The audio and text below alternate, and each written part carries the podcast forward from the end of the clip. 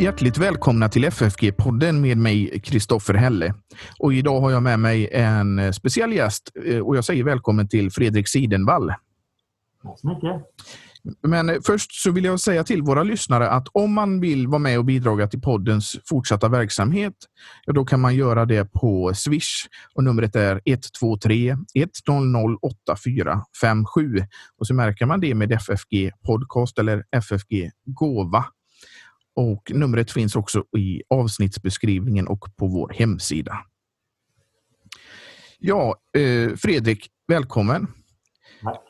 Vem är du för våra lyssnare som inte känner till dig? Ja, jag, jag har mina rötter i, i Stockholm, i Stockholms förorter.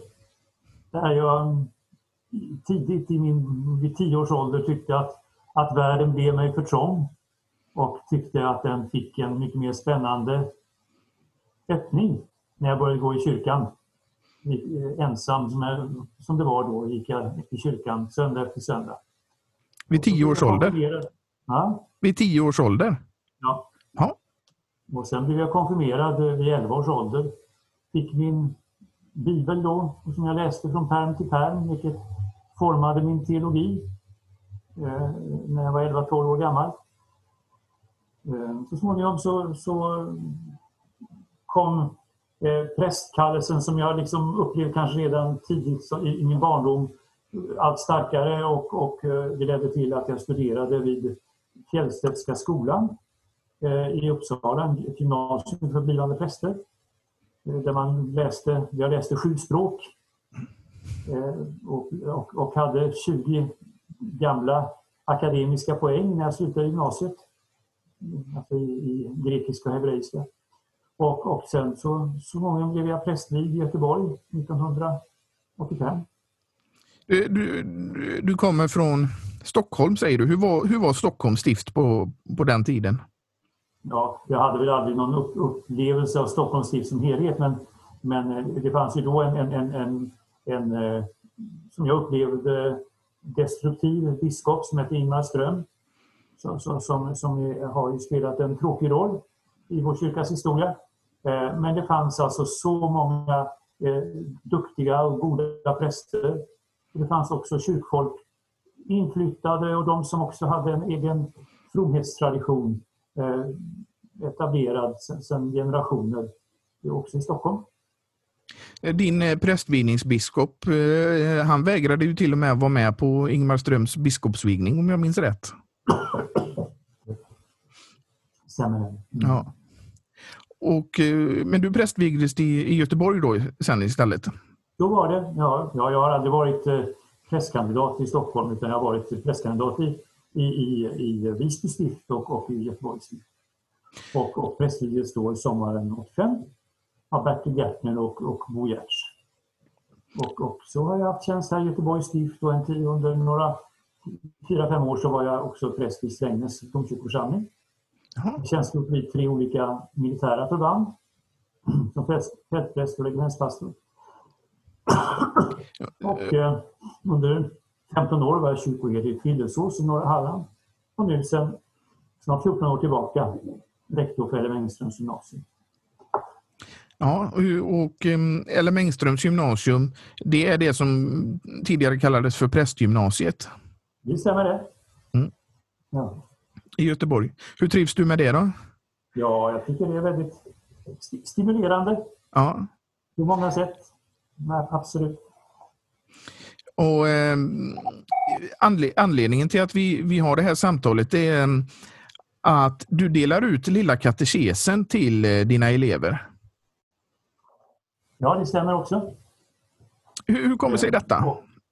Ja, eh, det är ju eh, Eh, det är en viktig del tycker jag att, att låta skolans identitet komma till tydligt uttryck. Eh, för att eh, vår skola är ju, bär ju namn efter en av Lilla katekesens stora tillskyndare och, och förkämpar i vårt land, prosten Lars Magnus Engström, som, som ju ledde den stora katekeskampen 1918 när man, vill, när man ville då avskaffa katekesen som, eh, eh, ehm, som eh, mm, som lärobok för skolorna. Och eh, han gjorde ju en, kanske den procentuellt största namninsamling som någonsin genomförts i Sverige. Han hade stöd i riksdagen också för sin sak och när han ändå förlorade så ville han att hans socknar i Dalsland, eller hela Dalsland skulle anslutas till Norge där man hade kvar lilla katekesen. Eh, jag har också skrivit om detta i, i, i, i en bok där, som heter Kampen för tron där jag menar att, att vi behöver för att bli aktiva i predikan, och då menar jag inte vi präster utan vi kristna, alltså som församlingsbo, som åhörare som man sa förr, för att man ska kunna vara aktiv i predikan, så behöver man ha katekesens inre struktur. Det blir som strängar som spänns upp i själens harpa som den helige Ande kan spela på. Det ska, måste finnas en växelverkan mellan det människor har med sig och det som tillförs i förkunnelsen. Så, så har väckelsen kunnat Eh, grundläggas och, och, och, och, och, och flamma upp genom att det fanns de som predikade, men det fanns de som lyssnade och som inom sig hade förkunskaper och eh, strukturer. Det märker man ju i, i eh, konfirmationsundervisning. Om man träffar en, en, en vanlig konfirmand så vet de knappt vad lilla katekesen är, om de ens vet vad det är. Nej, nej det, är riktigt. Och, och, det är inte så svårt. Då. Det finns ju mycket i lilla katekesen som, som, som är lätt att förklara vad det är. Alltså, tio bud, de tio budorden och trosbekännelsen och Fader vår, eh, ja, nattvarden och dopet. Det, det, det, det är lätt att berätta om detta. Och sen bara säga att här finns det, detta nu samlat så att vi kan få se den röda tråden, se det inre sammanhanget. Många eh, präster menar ju då att ja, det, är, det är för svårt för folk att, att ta, ta, eh, för konfirmanderna att ta sig an katekesen. Ja, och, och det där är, bygger på, på en felaktig eh, förkunskap om hur den mänskliga hjärnan fungerar. För, för för oss pojkar så är, och män så börjar vår hjärna få utvecklas så att vi först uppåt 15 års ålder kan börja tänka abstrakt. Dessförinnan så bygger ju allt lärande på ren inlärning, på utantillinlärning. Det är, det är barns hjärnor väldigt väl strukturerade för. Det betyder ju bland annat att före fem års ålder så kan vi lära oss eh, fyra, fem modersmål parallellt utan sammanblandning. Alltså barn har en enorm inlärningsförmåga men de har mycket begränsad förmåga till reflektion och förstå. Och, och eh, problemet för många så att säga, moderna pedagoger och teologer det är att man har för sig att man har ett ansvar inte bara för att undervisa utan också skapa förståelse. Förståelsen är en mycket eh, långsiktig sak som måste ske ungefär som man har sått ut på en åker, någonting som gror. Och förståelsen skapas ju genom den helige Andes verk och genom tillkommande livserfarenhet. Ja, alltså, de får ju inte med sig, alltså, om man inte, katekesen är ju mest grundläggande och enkla. Det är väldigt enkla ting att ta sig eh, an egentligen i katekesen. Det är verkligen. Jag kan berätta att när jag delar ut katekesen till eleverna, jag har, för de nya eleverna har jag ett tea party. Mm. Så att det är ganska festliga, högtidliga omständigheter kan man säga. I, i vårt finaste rum här på skolan med originaltapeter från 1813 och vackert dukade bord så, så berättar jag om skolans historia och, och eh, symbolerna. Vi, vi, har ju en logga, ett, ett, ett, ett, märke för skolan som bygger på Luthers eget eh, märke, eh, vapen. Och, och också dela ut då katekesen. Då brukar jag berätta att om man skulle utifrån skolans värld förklara vad katekesen är för någonting så är fem, första huvudstycket, budorden, det är läroplanen som instruerar människor. Det här ska du lära dig, det här ska du följa de här färdigheterna ska du utveckla. Eh, när man har försökt göra det en tid så kan det uppstå svårigheter. Och, och, och man behöver få en åtgärdsplan som det heter i skolans värld. Och trosbekännelsen, den är denna åtgärdsplan för den handlar om Guds ingripande för att frälsa det som har, det som har fallit och blivit skadat.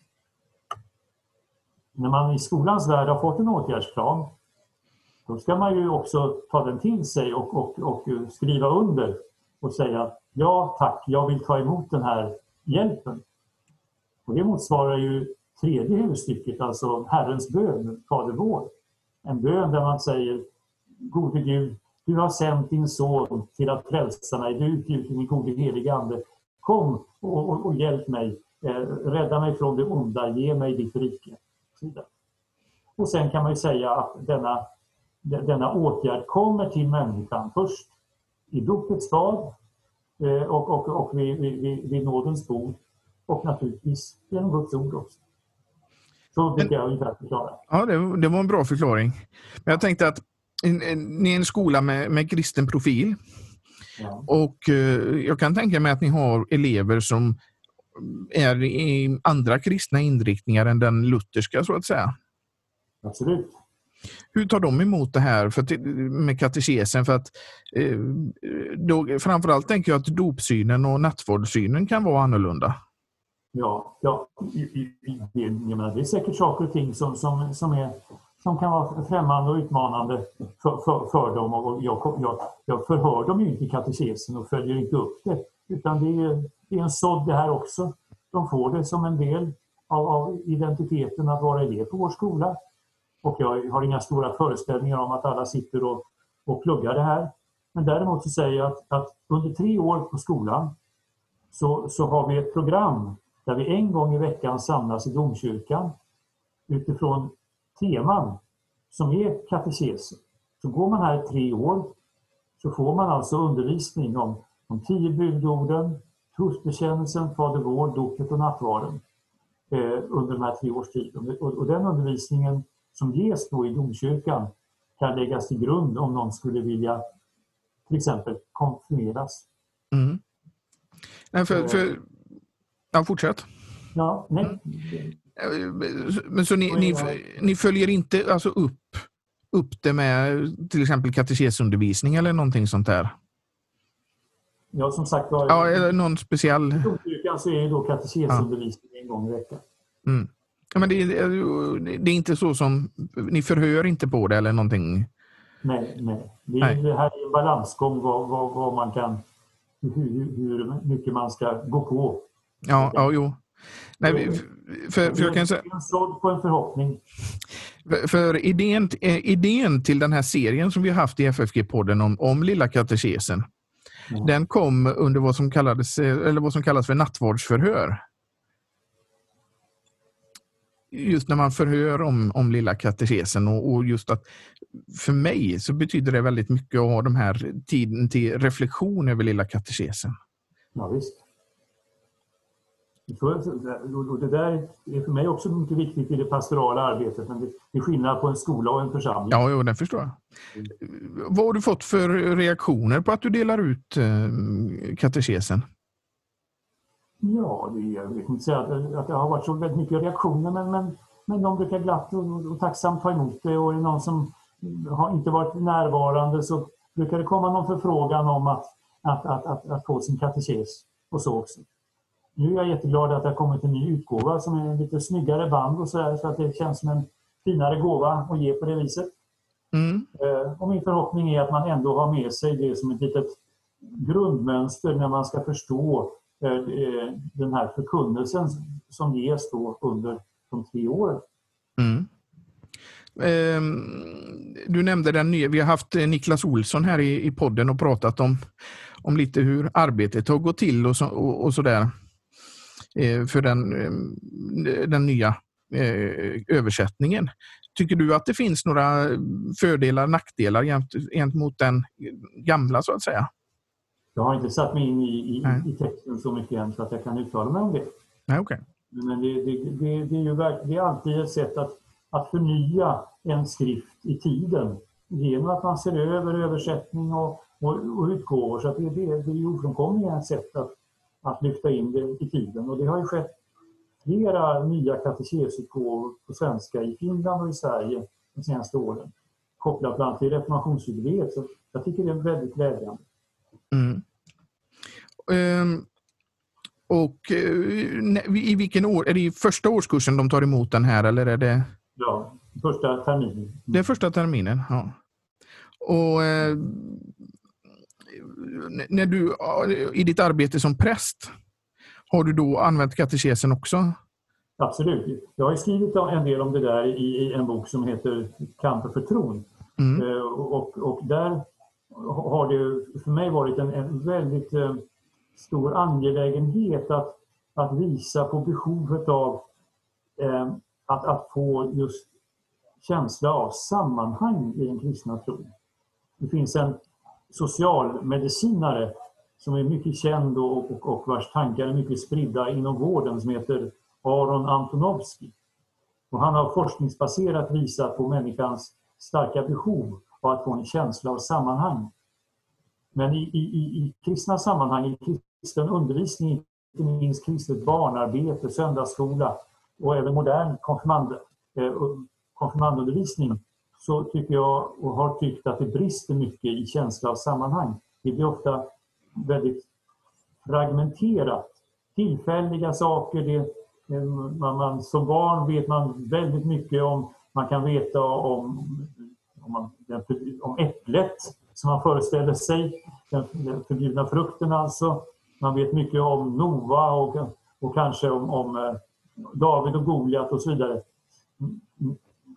Men om förhållandet med, med, mellan, ska vi säga, mellan synd och nåd, eh, skapelse och frälsning, så vet man ju som barn ingenting. Eh, och, och, och, och, men det där måste ju så småningom gå över, att alla de här lösryckta, förvirrande bitarna, eh, de, de måste så småningom eh, sys ihop så att det blir en inre, en inre struktur helt enkelt. Så att den kristna tron Eh, och, och Bibeln som helhet blir för, begriplig i, i, i hur det ena förhåller sig till det andra. Eh, och, och eh, den yttersta, det sätts ju på sin spets i den lutherska insikten om att Bibelns inre struktur är samspelet mellan lag och evangelium. Och innan man har förstått det så är ju Bibeln i, i stor utsträckning en sluten bok för många. I, i, en, i en frikyrklig evangelikal förkunnelse, och det har ju spridit sig långt in i Svenska kyrkan, också i de frommaste kretsarna, eh, så, så har man ju varit djupt främmande för läran och lärans inre sammanhang. Utan det är ju den, den ena starka vittnesbördet, predikan efter det andra där, där Bibeln liksom tillfälligtvis genom en särskild andens smörjelse över predikanten eller över församlingen eh, verkar någonting just i stunden. Mm. Men att det som då verkas i stunden, att det skulle ha en förblivande betydelse, det, det, det har man ofta väldigt svag känsla för. Och man gör inga försök att sammanfatta det i en lära. Åtminstone inte på ett uttalat sätt. Sen kan man ha en inre känsla för vad man gillar och inte gillar. Eh, eh, men, men, men, inte så att, det, att, att, man för någon annan kan peka på eh, sammanhang. Där kan jag tycka att, att, eh, att, att, eh, den här alfa, alfa alfamaterialet är, är ett steg i, i, i de evangelikala frikyrkliga sammanhangen är, är för dem ett steg i rätt riktning. Eh, det är ett försök att ändå skapa någon form av ordning och, och systematik. Eh, men, men för lutherska teologer så är ju alfamaterialet eh, är, är ju inte bättre utan sämre än strukturen i Lilla katekesen. Jag har ofta poängterat det att problemet med många frikyrkor är att de inte har några bekännelseskrifter och ingen egentlig lära med ja. då. Ja. Eh, Så det kan vara liksom skilja sig ganska så mycket från olika, mellan olika församlingar inom samma samfund. Ja, ja. Och, och, och, och i gymnasieåldern där har vi ungdomar som är på, på, de är på, steget från att vara barn till att bli vuxna.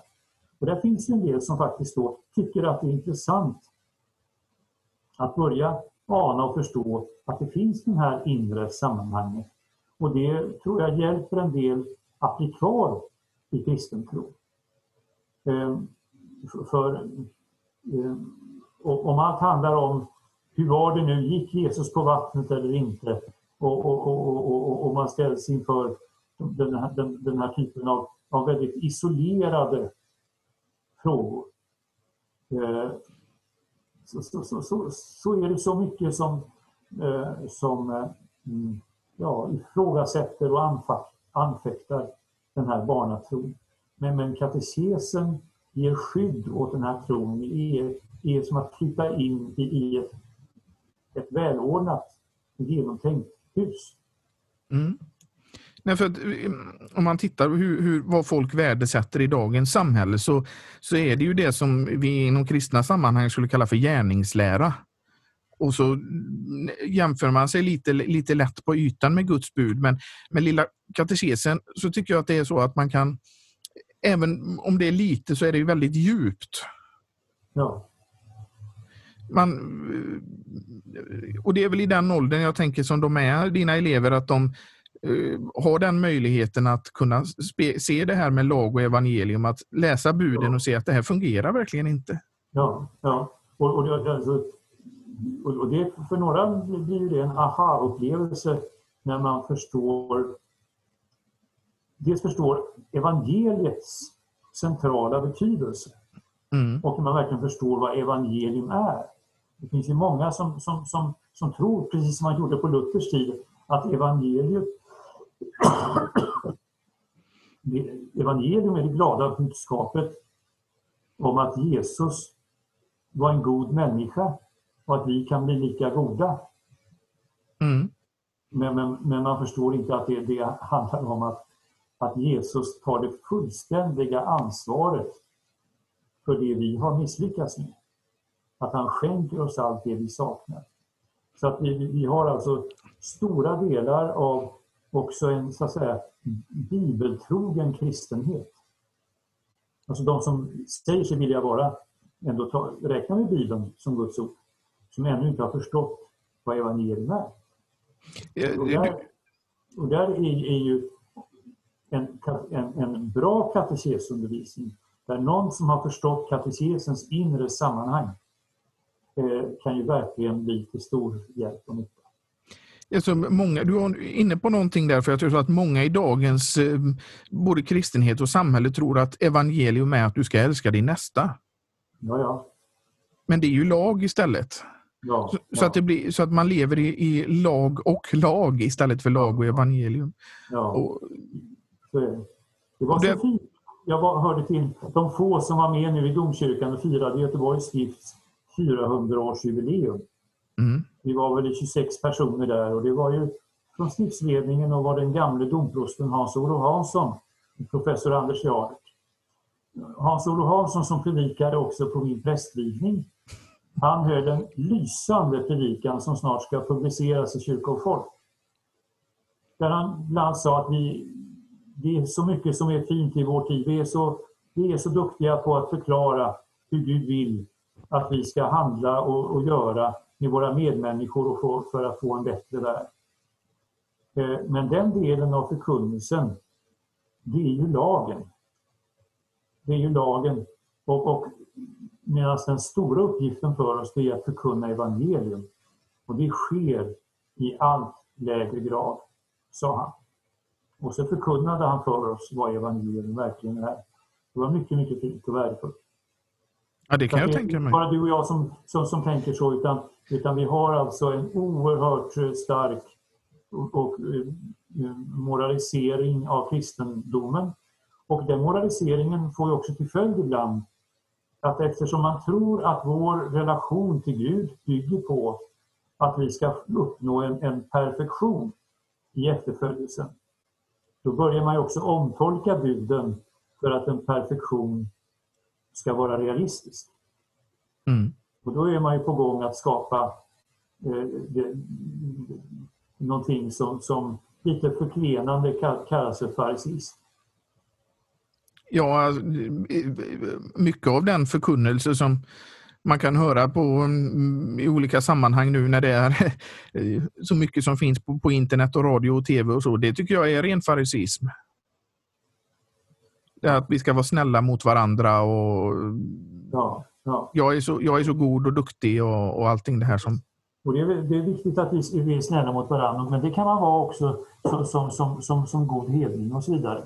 Mm. Men, men eh, som sagt, katekesen är en, är en sån viktig eh, hjälp och, och den, behöver, eh, den behöver aktiveras och vi behöver, vi behöver bruka den pedagogiskt. Jag har ju mm. mött det här i amerikanska församlingar. Min gode vän Peter C. Bender har byggt upp ett fantastiskt material omkring detta och en särskild Concordia Catechetical Academy. Jag medverkade förra, förra sommaren. Och där jobbar man så att säga Eh, borrar sig ner i katekesen i olika åldrar. Mm. Att man har ett material där det finns inom familjen då olika nivåer på, på, en, på, på ett veckoblad. Där någonting som är ren utantilskunskap är för de små barnen mellan, ska vi säga, 2 till 7 års ålder kanske, eller 2 till 6 års ålder. Sen, sen finns det ytterligare en nivå från, från 7 till ja, ska vi säga, 12-13 där, där det då är mer där man också får lära sig förklaringar.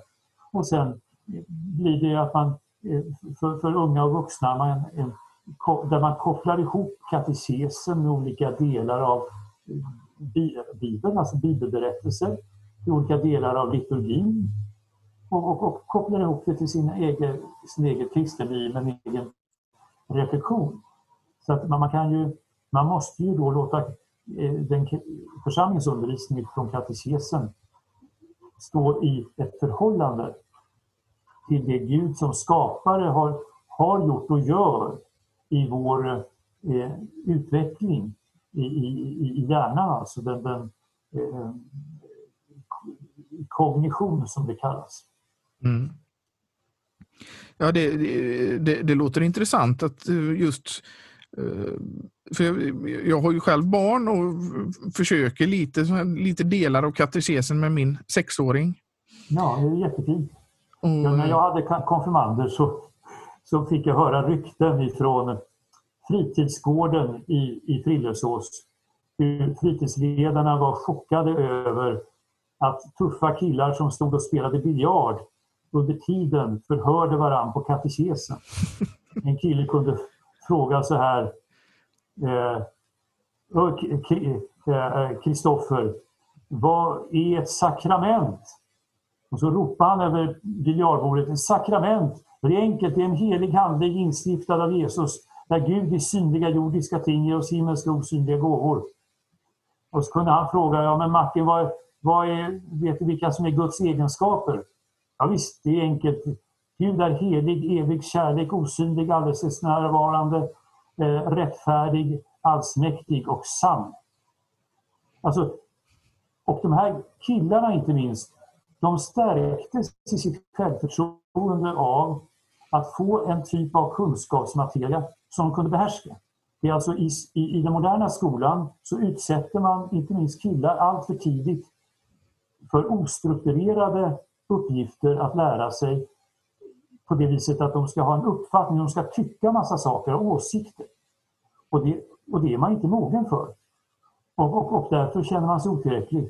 Men ingen ger dem den här möjligheten, den här sportsliga chansen så att säga, att få känna sig färdig med någonting genom att man lär sig en avgränsad del utantill. Det här är faktiskt någonting som jag vet att eh, doktor David Eberhardt har varit inne på, om du känner till honom.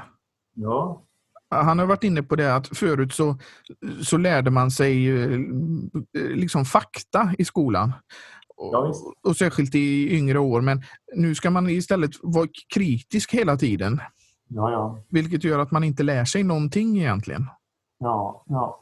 Alltså det, det började mycket med, med en, en, ja, amerikansk, han var egentligen inte pedagog utan mer filosof som hette John Dewey som försökte bilda någon slags idealskola där hans tanke var att skolan, klassen, skulle vara en återspegling av det ideala demokratiska samhället.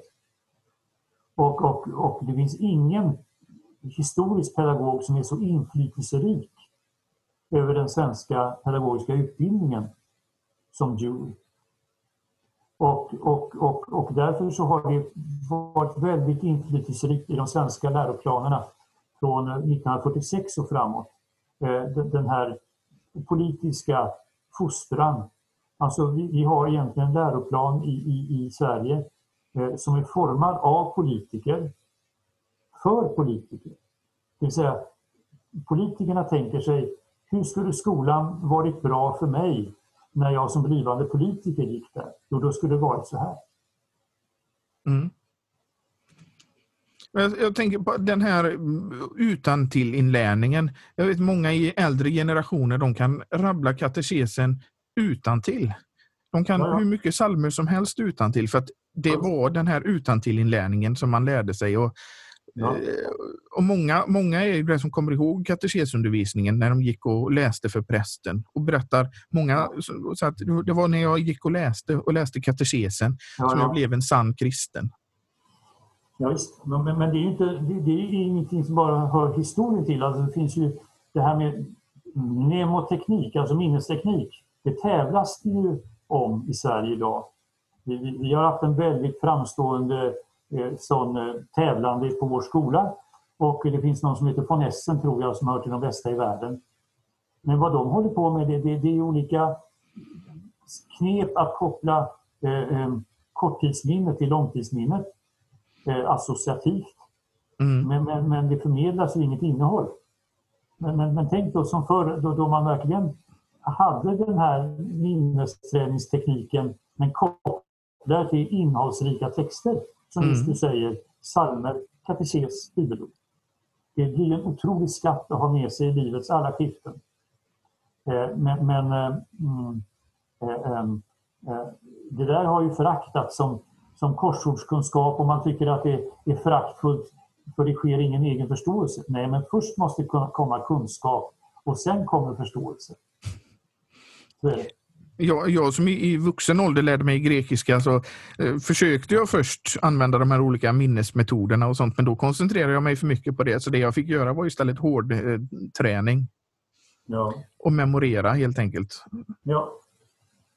Så att eh, jag tror att det har en för, för att lära sig inlärningen så tror jag att det är ett väldigt bra sätt. Och som sagt, man kan se på dem i den äldre generationen hur deras eh, utantill inlärning har varit till nytta för dem ja. i sin kristenhet. Ja. Man, när man tittar i äldre kyrkböcker så, så skedde ju en betygssättning av prästerna. Alltså prästerna betygsatte församlingsborna i samband med husförhör. A, B och C betyg kunde man få. Och det är mycket märkligt att, kunna se i de här böckerna. Det kunde vara här i Göteborg ett direktörspar som båda fick C i betyg medan deras hus, husa, hembiträde, fick A. Mm. Det kunde vara familjer på landet, bondfamiljer, där, där alla fick B och C. Men så var det en dotter som, som var eh, nio år gammal som fick A. Det mm. här skapar alltså ett område där, där människor och de som kanske inte andra var, annars var så starka eller framgångsrika kunde excellera. Mm. Och jag roade mig med att titta en gång bland de äldre som gick i, i kyrkorna i Frillesås. Vilka betyg hade de fått när de var barn? När fortfarande det här betygssystemet fanns. Många av dem hade ju fått A. Mm. Det betyder ju också att de var intresserade. Men säkert också att de blev så uppmuntrade av det här höga betyget. Att det gjorde att de blev, för dem var kyrkan en intressant nisch. En del av deras självförverkligande, deras jag-expansion på, på ett mänskligt plan. Och så mm. blev det sammanföll med Guds frälsningsplan för dem. Så alltså att, att man får uppleva att i katekeslärandet att man som kristen och som människa får uppleva ett framåtskridande. Det är inte så tokigt. Det, finns ju många historier. De rika familjerna de ville ha ett, ett chartauanskt hembiträde så de slapp räkna silvret hela tiden. Ja. Så eh, det kan jag mycket väl tänka mig. Men jag tänker på, man pratar idag om att pojkar mognar senare än flickor och även att eh, liksom det, det förskjuts lite, man blev vuxen tidigare förr. Så kan du tänka dig det att man blir, är kanske mer mogen för katekesen man går på gymnasiet än vid konfirmationen idag? Ja, ja, alltså man blir mogen på olika plan. Alltså man är mogen på katekesen man ska börja lära in katekesen ungefär, skulle jag tycka, från fem års ålder ungefär. Mm. Då har man full, full och möjlighet att lära sig eh, katekesens grundläggande nivå, eh, huvudstyckena utan till under några år på gymnasiet då, då, då är man ju mogen för att börja reflektera på ett djupare plan. Bortom, bortom de fasta formuleringarna. Mm. Ja, för jag tänker, utan det... är, är, ju tyvärr, det, det bör ju ske långt tidigare. Nej, men jag, jag tänkte just den här, många är ju de vittnesbörden om att det var, de blev en sann kristen då när de var vid konfirmationen förut. Men jag tänkte att det kanske förskjuts lite nu innan man är mogen för det i dagens samhälle? Ja, eh, alltså man, man, man räknar sig som vuxen vid, vid konfirmationen och, mm. och, och, nu har vi ju sociologiskt och psykologiskt verkar det ju vara så att, att det tar mycket längre tid att bli vuxen i många avseenden. Alltså man, är, man räknar idag sociologiskt med en, en grupp man kallar för unga vuxna. Mm. Det är från perioden efter gymnasiet, då, 19 års ålder, men det tycks sträcka sig en bra bit in i 30-årsåldern innan man stabiliserar sig. Eh, men däremot om, om, vi talar om hjärnans utveckling så är det ganska ny forskning eh, när man upptäcker att hjärnan är under utveckling. Under mycket lång tid så trodde man att hjärnan var någonting helt eh, konstant. Men de senaste ska säga, i alla fall 20-30 åren så ser man ju att det finns en, en dynamisk utveckling i hjärnan. Och då är det ju ganska, det blir forskningsmässigt vetenskapligt fastställt att hjärnan mognar eh, stegvis. Och det sista som mognar i hjärnan det är frontalloben. Och det är i den delen av hjärnan där, där vi reflekterar och där vi fattar beslut och där vi gör val. Och hos oss män är den processen färdig först omkring 25 års ålder. Ja. Och kvinnor då? Har du någon? Ja, hos kvinnor så sker det nästan eh, eh kanske nästan tio år tidigare. Ja, det, det är skillnad kan man säga. Det är skillnad. Ja, för, mm. Men jag, jag, tänker just på det här med, med eh, man pratar om curlinggeneration och sånt där som för mig är lite främmande. Men man, man ser att det, jag tror att det är svårare för dem att, i det här materiella samhället att ta, ta till sig eh, det kristna budskapet. Märker du av någonting sånt på, på skolan till exempel? Under dina 14 år?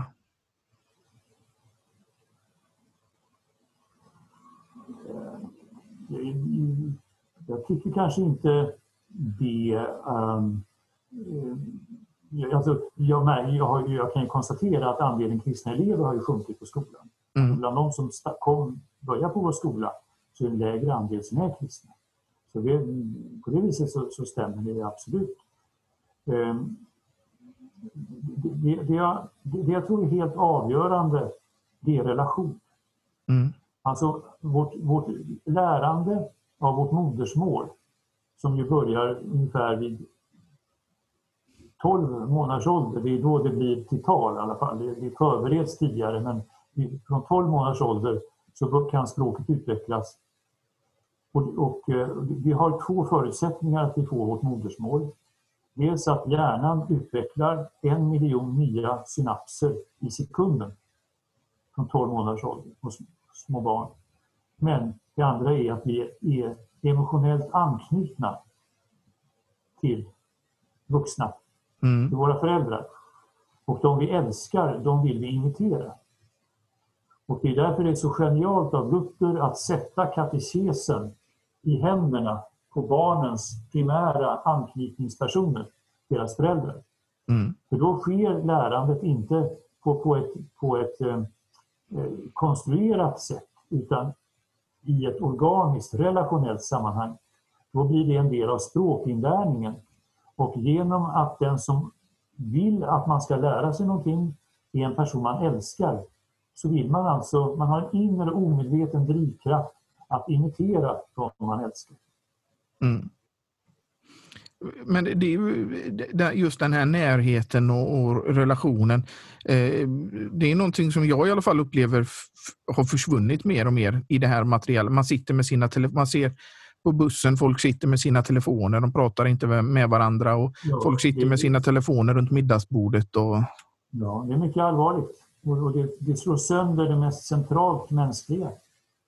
Mm. Och, och, och, även den tidiga placeringen på förskolan påverkar det här. Ja, ja, jo, jo. Du nämnde att, alla, att andelen eh, kristna elever sjunker. Men, ja, så har det varit de senare åren, ja. ja, ja. Man, vad, är, vad är det? Är det varför söker sig en icke-kristen till en kristen skola? Ja, i vårt fall är det för att, att vi är en skola med hög kvalitet. Mm. En attraktiv skola, duktiga lärare och duktiga elever som, som skapar en, en miljö som är trygg och studiemotiverad. Känner du att de här icke-kristna eleverna ibland kan börja söka efter eh, det kristna under sin skoltid? Ja, absolut. Och, och, eh, eh, och det är väldigt betydelsefullt och det, det är betydelsefullt och intressant att se att, att när den kristna traditionen då får, får forma en institution som vår så är det en så stor grupp som är fullt beredda att anpassa sig in i det. Alltså inte så att man kanske personligen blir en bekännare, men man kan leva med det här och, och foga sig in i detta. Eh, många teologer och, och, och, och också kyrkans fiender så där, eh, är ju så ängsliga och, och är så, så väldigt eh, och, och tror att det är så omöjligt liksom att, att, att, att, att erbjuda ett, ett, ett, ett kristet liv för andra att gå in i så att säga. Mm. Men, men, det finns alltså en stor, den, den största delen, det finns en, det, det finns en, en, ja, en professor i pedagogik som heter Starrett, han har sagt så här att ungefär 10 procent av mänskligheten uppnår autenticitet. De övriga får nöja sig med social anpassning. Det vill säga, det finns alltså en stor potential till social anpassning också i ett sammanhang som präglat av kristen tro. Mm. Men, men det lägger ju också ett ansvar för mig som rektor att den kristna tron inte ska presenteras på ett sekteriskt sätt där man går på människor, där man, där man kör upp dem mot väggen och, och, och ställer krav och förhör.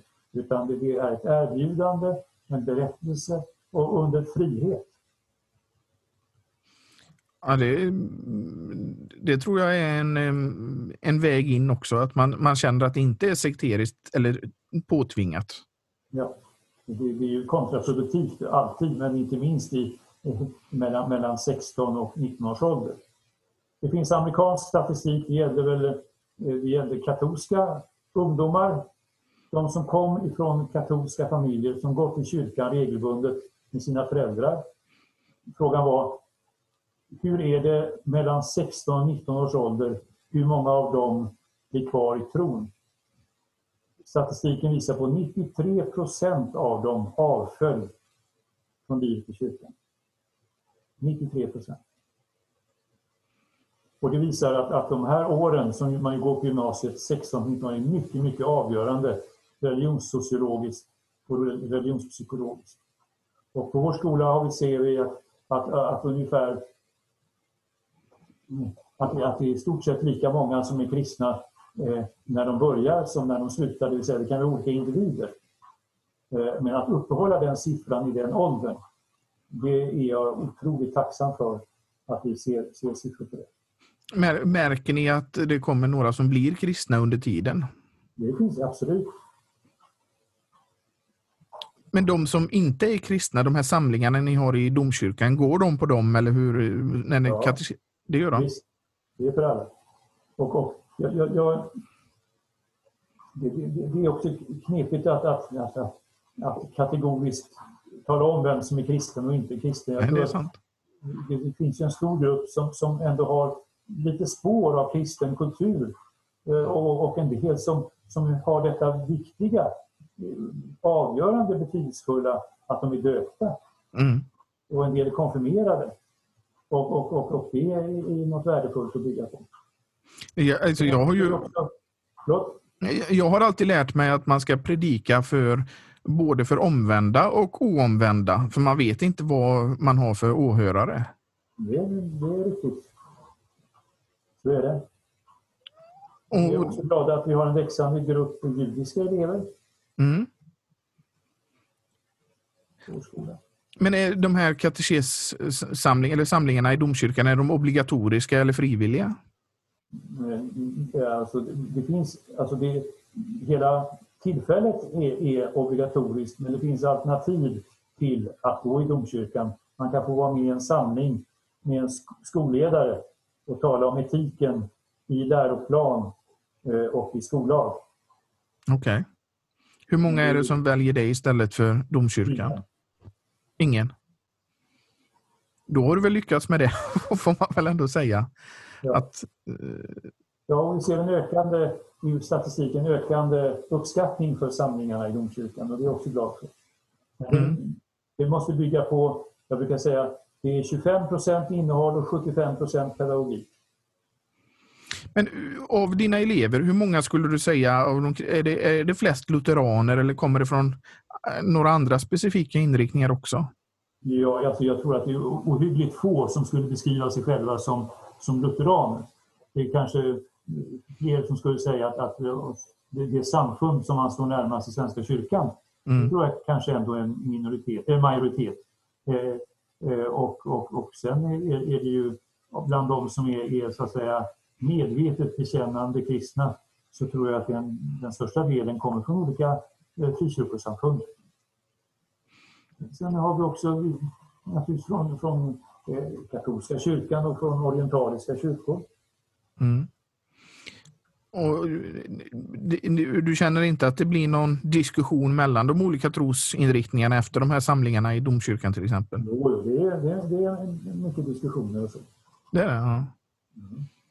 Är det organiserat eller är det... Mm, nej, nej men det vet jag sen, sen gammalt på skolan att det blir, att det blir sådana samtal. Och, och, och, och, det har ju varit en av de stora utmaningarna.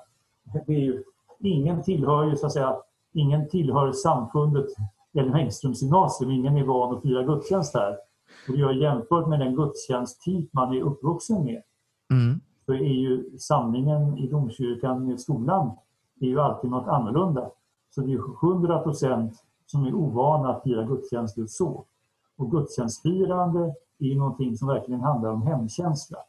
Mm. Och det gör att, att vi får, inte minst att det är den största frustrationen omkring våra samlingar den kommer ju inte från de icke-troende utan det är från de troende. Mm. Som inte tycker att vi väljer rätt sånger, som inte tycker att vi förkunnar på rätt sätt och så vidare. För de är inte vana vid detta. Och, och eh, det finns ju, finns en myt som säger att ungdomar skulle vara så öppna och, och, dynamiska. Men min erfarenhet är att, att ungdomar är mycket konservativa. Och mycket lite förändringsbenägna. Ja, konservativa på det sättet. Att de är ja, väldigt... Utifrån, ja. utifrån det som de är vana vid. Jo, precis. Ehm, ja, det, det, var en intressant, ja, det var en intressant iakttagelse måste jag säga. Och det, det tror jag stämmer. Om man nu ska kalla det konservativ, det vet jag inte om de själva skulle gå med på. Men... Konservativ är ju ett rätt ord. Det kan ja. ju alltid handla om, om att, att, att konservera grönsaker till, till till, till att läsa Edmund Burkes böcker. Men, men, men, men om, om, om, man nu tar konservativ i, i den meningen att, att, vara, att vara försiktig när det gäller nya främmande saker. Mm. Så, så, är, så är, finns det också hos ungdomar. Det är en, det är en progressivistisk eh, idealbild av ungdomar. Man, I ungdomars namn så vill man driva en, en progressiv agenda. Men, men, men, men det lustiga är att, att de ungdomar som själva är progressiva, det är ofta de som är mest, eh, ska vi säga, allra mest så att säga, vuxenberoende. För de har sina radikala idéer utifrån relationer till vuxna auktoriteter. Mm. Ja, så kan det vara. Mm. Ja, innan vi går till avslut, har du no no någonting mer du vill tillägga? Mm, ja, det finns, det, det, det, finns mycket att säga om, omkring detta men, men, men jag vill bara uppmuntra ett fortsatt arbete och, och eh, det, det finns alltså eh, eh, Paulus skriver om att vara trogen mot den mot den läras eh, den, den lärans mönster, den tros mönster står det.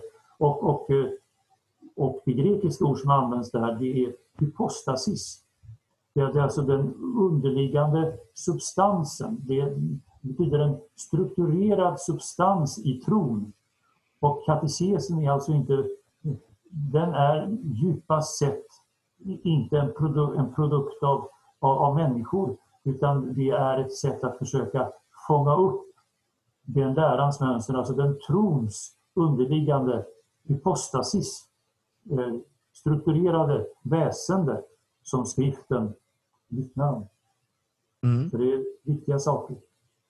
Och om vi skulle ha någon lyssnare som ska börja gymnasiet snart ja. och är intresserad, hur gör man då? Om man vill veta mer om... Om man vill eh, börja, man vill börja på vår skola så, så, så får man ju skynda sig och skicka in en ansökan. Mm. Ansökningstiden går väl ut om, om, om ett par veckor nu. Och eh, ni har en hemsida som du kanske vill... Det finns hemsida för Ellen Engströms gymnasium, absolut. Ja, och där kan man, om man vill veta mer. Då finns det, det finns mycket på, på Youtube, olika klipp, filmklipp och annat att titta på där. Det gör det? Ja. Då får eh, våra lyssnare som är intresserade gå in och titta på det. På egen risk, ja. Visst. Och eh, jag tackar dig Fredrik för att du ville vara med. Och påminner våra lyssnare om att vi tar tacksamt emot bidrag till den här podden och till församlingsfakulteten. Och eh, Det kan man göra på Swish. Och Då är numret 123 100 8457. Och så märker man det med FFG Podcast eller FFG Gåva. Så då tror jag det kommer rätt. Eh, och eh, vi hörs igen nästa vecka och än en gång tack så mycket Fredrik. Tack, tack.